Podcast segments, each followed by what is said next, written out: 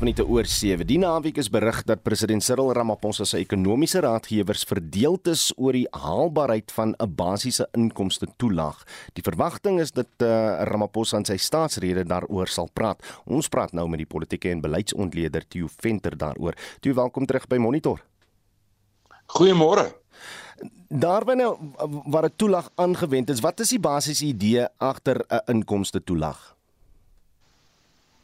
Goed, ehm um, die basiese idee in Suid-Afrika is dat die staat meganismes moet ontwikkel om die ongeloofmoede tesame met geweldige hoë werkloosheid op een of ander manier hok te slaan. Nou as jy nie kan werk skep vir al hierdie mense nie, dan moet jy op een of ander manier ehm um, vir hulle in staat stel om hulle normale dag tot dag funksies te kan beleef. Die die statistiek SA bereken dat die ehm um, die broodlyn in Suid-Afrika lê so by ongeveer R559 'n maand. Dit is ehm um, dit is wat hulle bereken het. Nou daar is 3 of 4 meganismes op die oomblik in plek.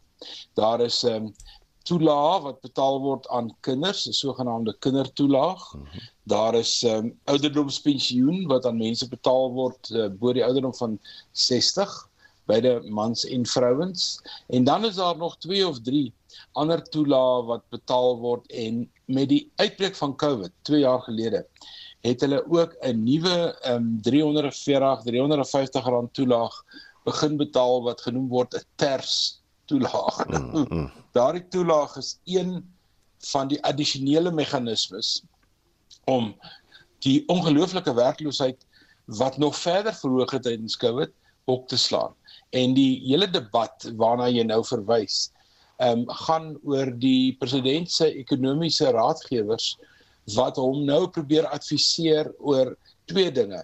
Moet ons al hierdie toelaag konsolideer in een toelaag en dit 'n inkomste toelaag maak? Dit sluit natuurlik nou pensioen uit want dit is 'n addisionele um, syfer wat mense toekom um, wat bo die ouderdom van 60 is en geen ander inkomste het nie.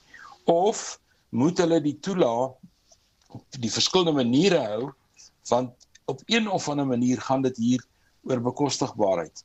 Ehm um, as net verskyk. Ehm um, oor die algemeen is die is die koers, die die werkloosheidskoers waarmee ons in Suid-Afrika van ons in Suid-Afrika praat is ongeveer 40% bietjie op, bietjie af. Hmm. Uh ons praat van werkloosheid onder die jeug wat nog groter is, party in baie gevalle tot 60%.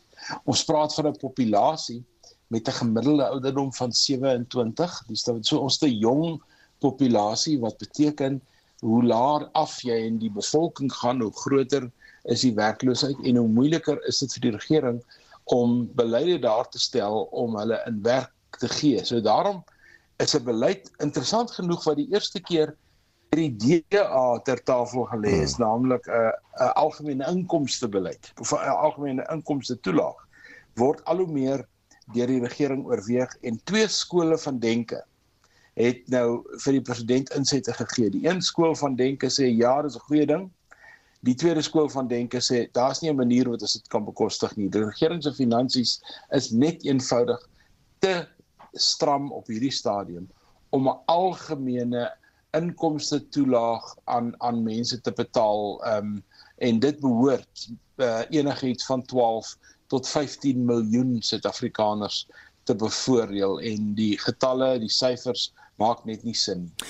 Die as ons kyk na die begroting, uh dit wat ons bestee op gesondheid, opvoeding, maatskaplike dienste, en dit sal nou insluit van die toelaag waaroor jy praat. In 2020 het, het ons sowat 56% van ons begroting aan aan hierdie um, um, uitgawes bestee. Is ons reeds op die plek alvorens ons nou dink aan 'n toelaag ons is reeds op die plek waar ons eintlik kan sê dat ons wel, uh, wel waarde kry vir die geld wat ons bestee in hierdie gebiede Nee, ongelukkig is ons nie. En ons is al reeds gewaarsku deur die deur die IMF e en die Wêreldbank dat die proporsies van ons begrotings ehm um, gee nie vir ons die waardes wat ons gee nie. Ons betaal jy het nou 'n syfer genoem, maar kom ons maak dit ongeveer 60%, 2/3 van ons nasionale begroting word aan sosiale dienste gelewer waarvan onderwys baie groot is en natuurlik gesondheidsorg baie groot is. En as ons nou net na onderwys kyk, ons het nou onlangs die matriekuitslae gehad en ons sien hoe die matrieks gevaar het vir die hoeveelheid geld wat in die skoolstelsel um, uh, ingevoer word en die uitkoms wat ons kry kry ons nie waarde vir geld nie en ons kan presies dieselfde sê met die onderwys ag met die gesondheidstelsel. So jou dilemma is en ek dink jy slaan die spyker op die kop. As ons nou nog 'n verdere toelaag um, in daardie kategorie van sosiale dienste se begroting wil gooi, dan beteken dit dat um, die begroting is 'n is 'n mandjie van gebalanseerde items. As dit moet meer word, dan beteken dit die begroting vir die polisie moet minder word. Die begroting vir die weermag moet proporsioneel minder word. En hierdie twee instansies byvoorbeeld, ehm um, is op uh, punte gesny waar hulle nie meer kan nie. Dit dit wys dit vir jou daar in nasionale tesourie sit daar ouens met dik brille en groot spreadsheets wat elke dag met hierdie goed werk en hulle hulle probeer hierdie somme maak en dis hierdie soort hierdie soort insette wat by die president uitkom want soos jy in jou inleiding gesê het oor 'n week of twee is dit die staatsrede en 'n week of twee daarna is dit die begroting en hierdie faktore moet daar aangemeld word want dis ondenkbaar dat die staatsrede kan plaasvind sonder dat die president praat oor die ongelooflike werkloosheid, die impak van COVID ook op werkloosheid en dan derdens wat is die regering se plan? En ek dink waaroor ons vanoggend praat is hierdie denke wat agter die skerms aangaan om die president van advies te wees en raad te gee oor wat moet hy eintlik doen. So Theo, beslot van somme is nie haalbaar nie. Kom ons maak eers reg wat verkeerd is. Ja, ek dink die goedkoopste, die bekostigbaarste is om hierdie toelaag wat ontstaan het tydens ehm um, COVID mm. wat uh dit lyk vir my omtrent 12 miljoen mense uh, kry daaruit voordeel om dit dit is al 2 of 3 keer verleng om dit nog 'n keer te verleng. Ongelukkig sê die Reserwebank vir ons verlede week gesê Suid-Afrika se groei vooruitsigte ehm um, vir hierdie jaar en vir volgende jaar is tussen 1,7 en 1,8%. Dit is nie die groei vooruitsigte wat 'n mens nodig het om hierdie groot nasionale toelaa ehm um, na vore te bring nie, maar daarmee sluit ek af.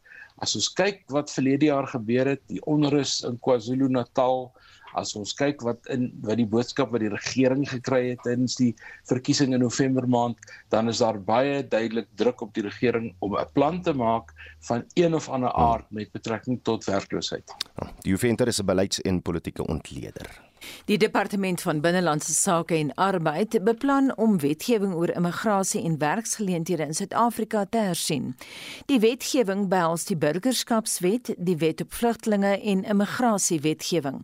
Dit volg na ondersoeke deur die departement oor die indiensneming van buitelanders.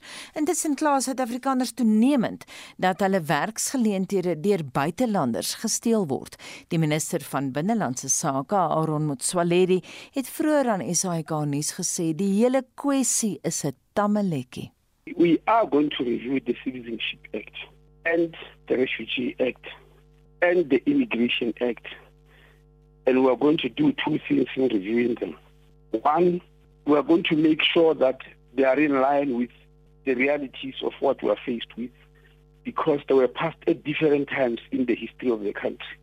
I mean, the Citizenship Act was passed way back in 1995. And lots of things have changed since then. Even the Refugee Act was passed in 1998 when the continent and the rest of the world was a little bit different. But secondly, the general trend around the world is that these three acts are not separate because it's very difficult to apply them when they are separate. Because when you separate them, they, they start falling under different branches of government and, and those branches work differently. For instance, when you apply for citizenship in the Department of Home Affairs, the DDG or the Deputy Director General or the branch that deals with you is called the civic branch. But when you apply for asylum and citizenship uh, and refugee act, you apply under the immigration branch. And sometimes they don't talk to each other and it causes legal problems. Basically, that's what we're going to try and do. Motsoaledi sê die hersiening van die wetgewing is nie om migrasie te stop nie, net om die onwettige beweging van mense oor die grense te stop. None of these acts are going to be put up to stop migration at all because nobody wants to stop migration. Migration can only be allowed to happen for development. Now you have asked a question about the borders. We have established a border management authority and each objectives and aims are very clear. None of them is to stop migration. But the border management authority has been enacted one to make sure that if people come here to South Africa, they come legally. The issue here is coming into a country illegally just by skipping the border. Motsoaledi sê hy verstaan hoekom Suid-Afrikaners voel buitelanders steel hulle werksgeleenthede, maar dit beteken nie xenofobie kan aangeblaas word in die land nie. And uh, if you check the on Tuesday, I met with the United Nations High Commissioner for Refugees. That is the body that has got the job to protect refugees and asylum seekers. That is the body that made laws like the United Nations Convention of 1951. which decide which person deserves of asylum or refugee status. Now we have decided on four outcomes. Perhaps what you should have done was to ask me about those outcomes, how we're going to solve each one of these problems. Because these things are legalized and all we're insisting is that they must happen in terms of the law. En so sê die minister van binnelandse sake Aaron Motsoaledi. Zimbabwe het intussen gewaarsku dat hy nie enige dreigemente of geweld teen sy mense wat hier in Suid-Afrika is sal duld nie. Die Zimbabwese konsulaat het aangedui dat hy berigte kry dat Zimbabweërs in Suid-Afrika gedreig word en aangesê word om die land te verlaat. En ons sal onthou in 2008 is 60 mense dood en 50 000 was sonder heenkome na xenofobiese aanvalle in Suid-Afrika. 'n Weerligstraal in die suidelike deel van die VSA in April 2020 is die langste een wat nog ooit gemeet is. Dit het sowat 768 is baie spesifiek, so dit het 768 km lank bo die deelstate van Mississippi, Louisiana en Texas getrek. Nou dit is 60 km langer as die vorige rekord wat in 2018 in Brasilië aangeteken is. En ons praat nou met 'n konsultant oor weerligbeskerming en hy werk ook vir die bureau vir standaarde en vir versekeringsmaatskappye. Gee hy dikwels raad. Ons het al op monitor met hom gepraat. Welkom weer terug by ons pool van as. Goeiemôre Anita en Udo en al die luisteraars. Paul, ek moet sê die laaste keer toe ek met jou gepraat het, ons geweldig terugvoer gehad van luisteraars met hulle weerlig stories. Ek weet nie of jy onthou nie. Verstommende stories wat mense vertel te gehad het hulle stel baie belang in die onderwerp. Nou daai lengte, dis baie spesifiek 768 km. In die eerste plek, hoe meet jy so iets? Okay. Tipies wetenskaplik is, almal wil baie presies wees en wat deesdae gebeur is die tegnologie het ontsettend baie verbeter en hulle maak deesdae gebruik van satelliete om die weerligstrale te meet waarvoor jy net hulle 'n uh, grondmoniteringsstelsels gebruik om die weerligstrale te bepaal. Um ek wil te tegnies raak nie, maar die nuwe tegnologie meet teen 'n baie hoë frekwensie en dus meet dit baie klein stiewings uh amper soos klein vonkies in die wolk en nou kan hulle uh deel met die uh, satellietbeelde hulle word alles opgeneem deur die satelliet en dit gee baie lange beelde en dus kan ons nou baie lange strale meet. Paul sê vir my 'n lang weerligstraal het hy noodwendig die krag van 'n korter een hoe werk dit? dink dit is eintlik nie net een weerligstraal nie. Dit is 'n klomp weerligstrale wat aan mekaar gekoppel word. As hy baie mense het seker al gekyk na die wolke ten tye van 'n storm en jy sal sien as die die weerligstraal plaasvind, dan sien jy baie keer die volgende wolk en die volgende wolk, hulle amper soos 'n domino effek. Uh steek mekaar aan. Maar wat gebeur is die die een wolk wat gelaai was, ontlaai en dit maak nou 'n spanning voltage verskil tussen die twee wolke en dit spring dit van die een wolk na die ander toe as dit vir julle sin maak. Watter dele van die wêreld kry ons hierdie soort van weerligstrale en hoekom? Want uh, die een is nou in Brasilië gemeet, so ons praat Suid-Amerika en dan praat ons Noord-Amerika. Die rede wat daai lande al hierdie uh, metings nou bekend maak, is die feit dat hulle wat hulle noem 'n geostationary satelliet het bokant die lande en dit spesifiek daar geplaas om hierdie weer tendense uh waar te neem. Ongelukkig het Suid-Afrika nie daai tegnologie nie. Ons maak nog steeds gebruik van die grondbepalingsstelsels met die ons het so om en by 25 sensors uh om die land wat op 'n ander tipe metode die weerligstrale meet. Gepraat van Suid-Afrika, Paul, hoe lyk ons weerligstrale hierso? Hulle lyk dieselfde as oral in die wêreld, jammer vir my grappie, maar die ehm um, die die weerlig hierso word ook baie lank, ehm um, maar ongelukkig net ons het kameras vir hierdie Witwatersrand, uh Wits Universiteit uiteindelik uh Johannesburg ehm um, Johannesburg Lightning Research Laboratory geskep want hulle gebruik die hele Johannesburg as 'n laboratorium en daar's nou kameras opgerig om die weerligstrale waar te neem en ons het ook instrumentasie op die sentektoring gesit om die weerligstrale se krag te meet. Mm. En met al hierdie inligting meet ons nou kan ons nou 'n beter idee kry van die lengtes wat uh in ons in die land kry. Maar tipiese weerligstraal is nie meer as 10 tot 16 km lank nie. Is ek reg as ek sê die Kaapenaars ken nie eintlik swaar weerlig soos hier op die Hoëveld by ons nie. Waar is die ergste weerlig in Suid-Afrika? OK, die die ergste weerlig is normaalweg op die Drakensberge, uh Ermelo, Pietretief, uh daai gebiede. Uh maar weer eens, die Kaap kry hulle deel van weerlig. Daar was nou hierdie maand was daar weer weerlig in die Kaap gewees. En die feit dat daar deesdae op jou daar's toepassings, apps op jou selfoon waar jy baie maklik kan kyk of daar weerlig in 'n plek is en met mense met selfone neem hulle ontsettend baie foto's van die weerlig in die Kaap. Maar natuurlik as jy vat statistiek gewys uh Kaapstad kry tipies een weerligstraal per vierkante kilometer in 3 jaar waar in Johannesburg kry ons plekke tot 20 weerligslae per vierkante kilometer per jaar Wel nou daar's baie mites oor weerlig en die beskerming daarteen. Jy het eendag in 'n onderhoud vir my gesê mens moenie dink dat skoene jou eh, beskerm op enige manier nie. Sekere soort skoen.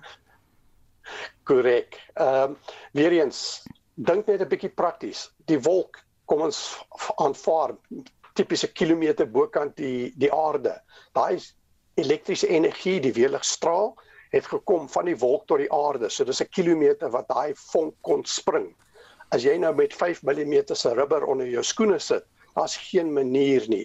Die ander mite wat mense dink is die rubberbande op 'n kar, mm. op 'n motor wat jou uh veilig maak. Dis glad nie die die effek nie. Die feit dat die die voertuig uit staal gemaak is, metaal, dit moet 'n metaalvoertuig wees. Deesdae kry ons carbon fiber voertuie, maar 'n staalvoertuig maak wat ons noem 'n Faraday cage en dis die stroom hardloop aan die buitekant van die voertuig en ek het tot foto's wat ek laas keer ook gesê het kan ons vir julle stuur waar jy sien hoe spring die vonk oor die bande tot die grond. Jy weet tot die laaste gedeelte van sy baan aarde toe. Paul, uh, kollega Oudo sê nou vroeër vanoggend vir my dat weerlig het al twee keer dieselfde boom op sy erf getref. Daar is ook die idee van weerlig tref nooit twee keer op dieselfde plek nie. Weereens as dit korrek was sou ons nie ons navorsing kon doen nie. Net baie interessante statistiek wat ons nou op die sentektoring gedoen het. Vanaf die begin van die weeligseisoen hierdie jaar, dit basies September is tot nou toe, het ons 40 slae gemeet op die sentektoring en in Januarie alleen het ons 15 slae gemeet op die sentektoring. Net uh, laastens en prakties raad vir mense wat hulle in 'n oop veld bevind met swaar weer, wat doen jy? Bly weg van hoë strukture af, bly weg van heininge uh, wat geleidend kan wees en die die ou storie is as jy tot 30 kan tel tussen wanneer jy die weerligstraal sien en tot wanneer jy die donder weer hoor dit is 'n gevaarsone so die tel tot 30. As jy tot 30 kan tel tussen die straal en die donne weer, is jy in 'n gevaarsone. Soek 'n veilige plek. Nou wat is 'n veilige plek? Tipies 'n motorkar is jou veiligste plek. Daarna 'n gebou, maar moet asseblief nie onder hoë strukture staan nie. Uh daar was nou onlangs mense in Ermelo doodgeslaan, 21 koeie buitekant uh Middelburg en selfde dag 21 koeie buitekant Loskopdam um twee sokkerspelers in Ermelo selfde dag. So baie gevaarlik buitekant. Uh kyk na die weer. Dis die beste en, raad. Maar, maar net nog 'n laaste punt. Gestel jy kan nêrens hardloop nie en jy is in 'n oop veld, moet jy jouself klein maak. Hoe moet jy jou lyf hou? Ja. OK. Weereens word vertel sit op jou hurke. Mm. Maar dit is nie maklik om vir lank op jou hurke te sit nie. So maak jouself so klein as moontlik. Moenie op die grond gaan lê nie, want dan maak jy jouself langer. En ongelukkig wanneer jy weer lig slaan, hardloop daai energie deur die grond. En as jy op die grond lê, ons vat byvoorbeeld dit kan by jou voete ingaan en by jou kop vol uitgaan. Hmm. Maar as jy op jou hurke is en jy het jouself klein gemaak, jy's soos 'n voeltjie bo op 'n elektriese kragdraad, dat dit geen effek op jou nie. So die energie moet nie deur jou kan vloei nie. Dit moet onder deur jou gaan. Dis baie eenvoudig vir jou gestel, maar tyd is beperk om in diepte in te gaan oor hoe om jouself veilig te maak. Baie dankie. Dit was baie interessant. Paul van As, hy's 'n konsultant oor weerligstrale. Tyd vir die terugvoer. Ons praat nou oor Sensus 2022 en uh, ons vra of jy gaan deelneem. Ek is seker van julle gaan nou dink, maar as beerdkrag, miskien gaan ek nou net die hek oopmaak. Nie maar wat sê die luisteraars Marlene? Hulle wil beslis binne bly. Dit klink nie of mense baie lus is om ehm um, die sensus mense daar binne in hulle erwe toe te laat nie, maar hier's ook 'n heel wat terugvoer op ons is ag op ons WhatsApp lyn. Jy kan gou luister na wat die mense hier te sê het. Daar is nie 'n keuse nie. Dis 'n wetlike vereiste dat jy deelneem, maar jy kan 'n boete of selfstromslag opgelê word as jy dit nie doen nie. So uh, verstaan jy lekker nie. So jy kan nou kies of jy die wet wil breek of nie. My naam is Andre, ek is 'n blinde persoon. Ek sou almal aanbeveel ou mense, blindes. Ons beveel dit vir alle siggestremdes ook aan. Jy het nog tyd tot môre.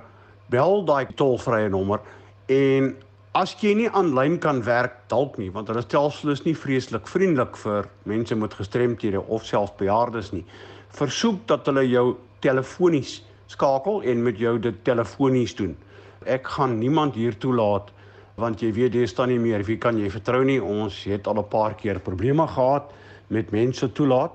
Ek het probeer registreer op die site. Maar ek kan nie vir Bedford View optel nie. Ek woon in Bedford View en ek het on Ekurhuleni in Johannesburg gesoek. Ag nee, wat Ek het twee keer aanlyn probeer met die sensus en hy gooi vir my name uit by die suburbs wat ek nooit eers geweet het bestaan nie. Ek sê vir my, ek dink ons bly op Mars. Jy gaan laer. Ek het nog nie eens van daai name gehoor nie. Hy gee nie nooste by vir my 'n naam in die omgewing wat ek bly nie. Ek het nou probeer aanlyn en dis dis maar soos dit altyd mag gaan boggerop, jy kan nie deurkom nie in ag, daar's allerhande fout. So ek wag maar maar dat hulle by my hek vir my kom uh, opname doen. Ek neem glad nie deel aan hierdie sensus nie. Hulle moet net wegbly van my af. My ras word nie verteenwoordig aan die regering nie. So hoekom moet dit verpligtend wees as ek nie verteenwoordiging in die parlement kan kry in die huidige regering nie? Gert Stander van der Aar wonder of hulle op Mars ook sensus doen. ja, nee, okay, ek sê maar daar's 'n paar satelliete daar. Ehm, um, maar nie almal sukkel nie. Jan skryf op die SMS lyn maklik geregistreer, regte ding om te doen. Alles is nie polities nie op die SMS lyn ook Chris wat skryf ek sal liewer die veldwerker by die hek laat staan dan sal ek veiliger voel. Ek neem deel om die owerheid in te lig oor my omstandighede. Martie skryf nog geen nuwe skole baie hospitale en geen van die huidige bogenoemdes herstel nie. So wat wil hulle voor beplan as die laaste sensus nou nog niks opgelewer het nie? Vir ou laas kans om jou mening met ons te deel oor die kwessie. 45 889 dit gaan jou R50 kos kan saamgesels op WhatsApp of jy kan vir ons um, op Facebook laat weet hoe voel jy hieroor Die nuusagentskap Reuters berig dat toenemende onstabiliteit in Myanmar nou gelei het ook tot 'n skerp toename in die produksie van dwelms. Ons praat ver oggend met Rolf Meyer hieroor. Hy was belang betrokke by die demokratiseringsproses in Myanmar en ken byvoorbeeld vir Aung San Suu Kyi baie goed. Goeiemôre Rolf. Hallo Anita. Goeiemôre. Ek, ek kyk nou na die nuusagentskappe, maar ek het ook soos wat ons praat nou Al Jazeera hier voor my oop. En uh, hulle een hoof opskrif hier, so ons gaan nou by die dwelms kom, maar hulle sê world accused of sitting and watching as Myanmar slides to war. Wat dink jy gaan volgende gebeur? Ja, ek dink daai is ongelukkige 'n redelike uh korrekte afleiding van die huidige situasie. Dit was natuurlik gister 1 jaar sedert die staatsgreep uh, uitgeoefen is deur die militêre junta. En um, in in die jaar se tyd as mense net so vinnig daarna kyk, uh, was daar min of meer 3 fases wat ontwikkel het. Die eerste was 'n gewone passiewe opstand uh, weerstand deur die bevolking. Daar was massa uh, demonstrasies in in al die groot stede en omtrent reg oor die land en en dit het uh, duidelik gebleik dat die bevolking glad nie die militêre bewind aanvaar nie. En uh, en en dit was omtrent die eerste fase wat afgespeel het. Daarna het daar geleidelik meer weerstand uh, opgebou uit die plaaslike gemeenskap. Hulle het uh, weerstandsgroepe begine vorm wat hulle noem uh, public uh, of private defence forces. En uh, en en daaruit voortspruitend en daar uh, ook of op dieselfde tydstip het daar ook 'n alternatiewe regering, burgerlike regering tot stand gekom. Dis weliswaar 'n bietjie gedisorganiseer, maar daar is wel um, 'n um, alternatiewe uh, burgerlike regering. En, en ek dink die derde fase wat 'n mens kan uitsonder is die feit dat daar baie groter samewerking tussen die uh, uh, gemagte of die die uh, militêre uh, weerstands etniese groepe ek dink nou aan die regte Afrikaanse woorde militêre weerstands uh, etniese groepe en die burgerlike opstandsgroepe uh plaasgevind het daar's groot samewerking tussen hulle. En 'n mens kan werklik sê op hierdie stadium beweeg dit sterk in die rigting van 'n burgerlike oorlog 'n burgeroorlog tussen die weermag en hierdie uh op uh, opstandsgroepe. Ek het nou net gekyk na 'n kaart terwyl ek gewag het vir die oproep. Mhm. Mm van van hoe die die uh, verdeeldheid op hierdie stadium lyk in terme van hierdie weerstandsgroepe en groot dele van die land word inderdaad nou uh beset deur die weerstandsgroepe of etnies of uh die die uh permaan uh meerderheid van die bevolking. En en om die rede dink ek daai voorspelling van Al Jazeera is is heeltemal 'n korrekte ene. Dink dis 'n goeie analise wat hulle maak. En ehm um, ja ongelukkig die internasionale gemeenskap het nie 'n antwoord dit dit is die dit is die tragiek van die omstandighede. Internasionale gemeenskap het niks daaraan gedoen om die situasie om te keer sedert 1 Februarie laas jaar. Hoekom nie? Wel uh, in die veiligheidsraad van die VN uh, is daar natuurlik nie volledige samewerking nie. Uh, China sit op die kantlyn. Rusland steun openlik die militêre junta en sekere ander lede van die veiligheidsraad ook uh in die ASEAN gemeenskap met ander woorde die omliggende streek van Myanmar ehm um, is daar ook verdeeldheid. Hulle kry ook nie 'n gemeenskaplike standpunt nie. Uh Kambodja is op die huidige stadium die voorsitter van daardie groep en hulle voorsitter die die premier van Kambodja het selfs uh die hoofstad Naypyidaw onlangs besoek en samesprekings gehad met die junta uh duidelik in in weerstand van baie van sy lede in die ASEAN groep insluit in Singapore, Indonesië, Maleisië en ander. So die die die die ongelukkige uh valsnoot in die hele proses uit die internasionale oogpunt is dit daar geen gemeenskaplike nou optrede teen die militêre junta is nie. 'n Gepraat van die internasionale gemeenskap roep verskuif uh verskaf uh, Putin nog wapentuig aan die junta? Ehm um, ek is nie bewus van onlangs nie maar hy het in die afgelope mm. jaar definitief uh en hy het militêre bande behou met met die junta.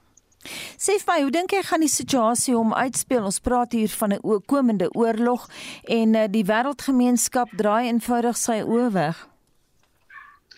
Ja, ek dink nie dit is 'n dit is 'n wel die die die eerste punt is daar's nie 'n vinnige oplossing. Dit is nou 'n jaar later en op hierdie tydstip is daar geen oplossing in sig nie ehm um, die internasionale gemeenskap uh, doen niks om leiding te neem wat betref die saak nie. Uh selfs die FSA en die EU is nie baie sterk in in hulle optrede nie. Hulle maak verklaringe wat die regte goed sê, maar daar word niks gedoen om dit op te volg nie. Uh so ek dink 'n mens moet aanvaar die die situasie gaan uh, gaan aangaan soos dit nou is met ander woorde dis 'n eskalering van die van die stryd interne stryd en daarom weer eens die voorspelling dat dit gaan uitloop op 'n volskaalse burgeroorlog. Baie dankie en so sê Rolf Meyer wat betrokke was by die demokratiseringsproses in Myanmar. 15 minute voor 8 en ons het nou baie goeie insig gekry oor gebeure in Myanmar. Kom ons kry 'n bietjie nuus vanuit die res van die wêreld. Is dit die Klerk sluit by ons aan?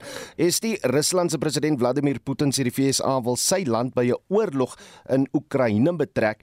In Putin se eerste merkbare kommentaar hieroor sê dit Desember sê hy Amerika se doel is om die konfrontasie te gebruik om meer sanksies teen Rusland te kan instel. Ja, Udo Putin sê ook die FSA ignoreer Rusland se kommer oor NAVO-alliansie magte in Europa. Their most important goal is to contain Russia. That's the thing. In this sense, Ukraine itself is just a tool to achieve this goal. Spanning loop hoog omdat sowat 'n 100 000 gewapende Russiese soldate oor die afgelope weke na Oekraïne se grense gestuur is. Maar Rusland ontken steeds dat hy 'n aanval op Oekraïne beplan. Intussen het die president van Oekraïne, Vladimir Zelensky, gewaarsku uh, uh, gister 'n waarskuwing gerig oor wat sal gebeur as Rusland Oekraïne binnevul. There would be a tragedy if an escalation against our country starts. And that's why I'm saying openly that this wouldn't be a war between Ukraine and Russia. This would be a full scale war in Europe. Dit was die president van Oekraïne, Vladimir Zelensky. En dan verskuif ons die fokus na die Britse eerste minister Boris Johnson wat vir eers die politieke druk in sy eie land op sy kon skuif vir belangriker eh, sake van Europese veiligheid. Johnson het gister in Kiev, die hoofstad van Oekraïne, aangekom. Hy het dan eh, president Zelensky gesê hy kan eh, verseker wees van Brittanje se ondersteuning. Ja, Johnson het 88 miljoen pond in bystand beloof en hy het 'n duidelike waarskuwing aan Moskou gerig. Hy sê as enige Russiese soldaat die grens van Oekraïne oorsteek, moet hy weet hy gaan begroet word deur 'n vasberade weermag van Oekraïne. They will put up a very very fierce and bloody resistance and I I think that parents, mothers in Russia should reflect on that fact and I hope very much that President Putin steps back from uh, the path of, of conflict. Hy waarsku ook dat Brittanje ekonomiese sanksies sal steun wat teen Rusland ingestel sal word as Oekraïne binnegeval word. Johnson vergader môre met Putin. Hmm, interessante vergadering daarheen. Nou na Tonga wat uh, vandag van vandag af liewer uh, onder inperkingsmaatreëls geplaas sal word nadat twee positiewe gevalle COVID-19 uh, gevalle in die hoofstad Nuku'alofa aangemeld is. Die eerste minister Siyasosi Sovaleni sê albei gevalle is by die hawe opgespoor waar humanitêre hulpmiddels per skip gearriveer het na die vulkaniese uitbarsting en tsunami in Tonga. Behalwe vir een positiewe geval in Oktober verlede jaar was daar geen ander positiewe gevalle in Tonga sedert die uitbreek van die pandemie nie. Sovaleni sê die situasie sal elke 48 uur gemonitor word. Die Withuis het sy kommer uitgespreek oor uh, bomdreigemente wat gemaak is by 'n aantal historiese swart universiteite en colleges in in stede wat uh, strek van Baltimore tot New Orleans. Die bomdreigemente het begin op die eerste dag van van, van wat tradisioneel bekend staan as swart historiese maand in die VSA. Die BBC berig geen plofstof is by enige van die colleges of universiteite gevind nie en talle van die colleges en universiteite is egter onder inperking geplaas en virtuele onderrig is hervat nadat die geboue ontruim is. Die FBI het mense gewaarsku om waaksaam te wees in die omgewing van die instansies. Die adjunkpresident en hoof van personeel by die Xavier Universiteit in Louisiana, Patrice Bell, verduidelik wat by die universiteit tyd gebeur het. Early on the morning of February 1st, we received a bomb threat that caused us to go into an emergency lockdown. We evacuated students who were in the quadrant of campus, and we did have them shelter in place in a clear area in their residential facilities. A few hours after we started working with law enforcement and had secured our residential students, we made the call to move classes to remote instruction for the vast majority of the morning. And then, upon finding, getting the all clear message, we did return to face to face instruction on the 1st. En dit was die adjunkpresident en hoof van personeel by die Xavier Universiteit in Louisiana, Patrice Bell. En dit was Estie met 'n oorsig van vandag se wêreldnuus gebeure.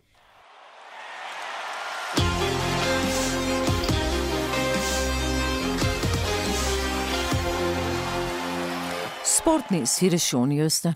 Ons kyk vanoggend na die Carling Currie beker wedstryde wat vandag voorlê. Ons vroue Protea span speel ook later die jaar in hul eerste toets in 8 jaar en die Afrika Nasies beker se halfeindronde begin vanaand. In die derde ronde van die Carling Currie beker reeks speel Griekwas vanmiddag half 4 op Tafellager Park in Kimberley teen die Pumas. Die bulle draf kwart voor 6 op Loftus in Pretoria teen die Cheetahs en die Haie vanaand 8 uur op Hollywood Bay Kings Park in Durban teen die Westelike Provinsie op die veldheid. Cricket. Volgens berigte in die media sal ons vroue Protea span later die jaar in 'n toets teen Engeland speel. Dit sal die Proteas se eerste toets sedert 2014 wees toe hulle met 'n beurt en 34 lopies deur Indië geklop is. Suid-Afrika het in 2003 laas in 'n toets teen Engeland gespeel.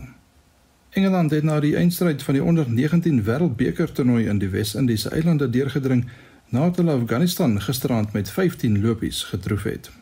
Australië en Indië pak mekaar vanmiddag vir die laaste plek in die eindstryd. Op die sokkerveld met Senegal en Burkina Faso vanaand 9uur in die eerste halfeindstryd van die Afrika Nasies beker toernooi kragte. Die gasheer Kameroen kom môre aan dieselfde tyd in die ander halfeind teen Egipte te staan. Die eindstryd vind eers komende Sondag plaas. En laastens in motorsportnuus, 'n Formule 1 woordvoerder sê COVID-19 inenting sal tydens die 2022 seisoen 'n vereiste wees en dat geen vrystellings toegestaan sal word nie. Alle renjaarspersoneel en gaste moet ten volle ingeënt wees indien hulle deel wil vorm van enige Grand Prix. Daar is 23 wedrenne op die 2022 kalender. Australië bied die eerste Grand Prix op 20 Maart aan. Shaun Schuster, RSG Sport. Dis nou 8 minute voor 8 en die New York Times het die gewilde aanlyn speletjie Wordle by die skepper daarvan Josh Wordle gekoop. Die presiese koopsom vir die woordspelletjie is nie bekend nie, maar dit beloop miljoene rand. Die New York Times probeer sy aanlyn uh, uh, inset teen 2025 met tot 10 miljoen rand vermeerder. Ons praat nou met die redakteur van die publikasie My Broadband Jan Vermeulen. Jan, môre welkom by Monitor. Goeiemôre, dis goed lekker om hier te wees, dankie. Ek ek bly nou met opset weg van af en ek raak bietjie uh, OCD met sulke speletjies, maar vir mense wat nie weet nie, wat is Wordle en en hoe word hy gespeel? Ja, die lekker ding van Wordle is uh is dis 'n speletjie wat jy net een keer 'n dag kan speel.